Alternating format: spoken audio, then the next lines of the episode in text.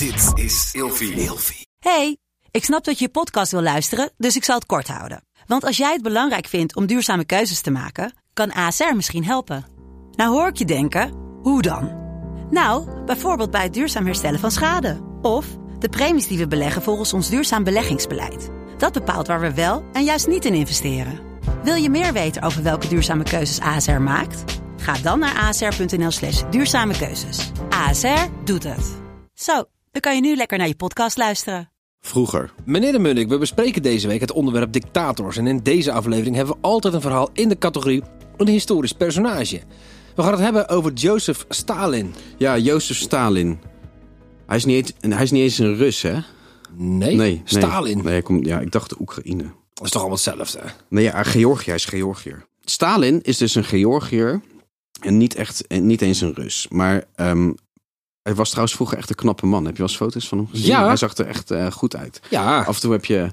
hij is niet goed opgedroogd. Nee, nee. Ik heb het andersom. Ja, oh, jij wordt een beetje met de jaren. Ik, Een ik, soort- ik, soort ik rijp wijn- goed met de ja. jaren, maar hij niet. Ehm, Stalin is natuurlijk ook wel een aparte ehm, man of dictator. Eh, die, die, had al, die lifte mee op, op het communisme. Dus het communisme had dus Lenin. En Lenin eh, nam de macht. ja. En Stalin heeft altijd een beetje in, in de luwte gewacht op zijn kans om uiteindelijk de macht over te nemen. Ehm, Lenin had een eh, hele grote tegenstander, of een, ook een hele charismatische man, Leon Trotsky. En uiteindelijk eh, wisten ze hem te verbannen. En die is in Mexico met een ijsbel vermoord. Wie? Leon Trotsky. Jee.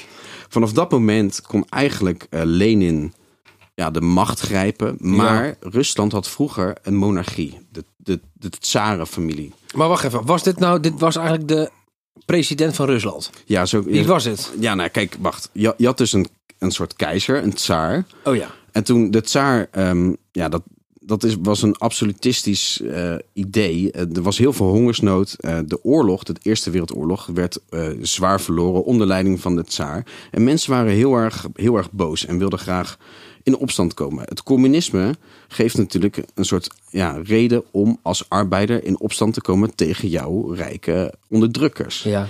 En wat er uiteindelijk gebeurde was dat dus eh, die communisten die beginnen een soort burgeroorlog. Die, die weten de macht te grijpen in de oktober- en februari-revolutie. En vervolgens is Lenin aan de macht. Lenin gaat uiteindelijk dood. En Stalin staat klaar om dat over te nemen. En Stalin heeft ondertussen al een heel plan klaar met allerlei zuiveringen. Hij laat in het leger allerlei officieren eh, terechtstellen. Was hij ook vriendjes met Adolf Hitler? Stalin heeft een, een pact gesloten met Hitler. Kan een, niet-aanvalsverdrag. Dat noemen ze het Molotov-Ribbentrop-pact. Wat ehm, voor de Tweede Wereldoorlog was gesloten... zodat Stalin en Hitler elkaar met rust Maar zouden daar heeft laten. Adolf zich niet helemaal aan gehouden. Nee, Adolf die heeft het beho- behoorlijk... Dat eh, was wel een boefje. Ja, die heeft het behoorlijk Dat belazerd. was wel een boefje. Stalin heeft, eh, die ging dus collectiviseren. Zeg maar, dat Ja. betekent dat de landbouw... Alle grootgrondbezitters moesten hun land opgeven. En dat, en dat werden een soort van ja, boerderijen van de staat. Uh, Van je mag het aan ons geven. Ja, Dankjewel. Ja, en daarna gingen ze industrialiseren. En wat er dus gebeurde was, dat maakten ze zo'n zootje van, dat er een enorme hongersnood plaatsvond.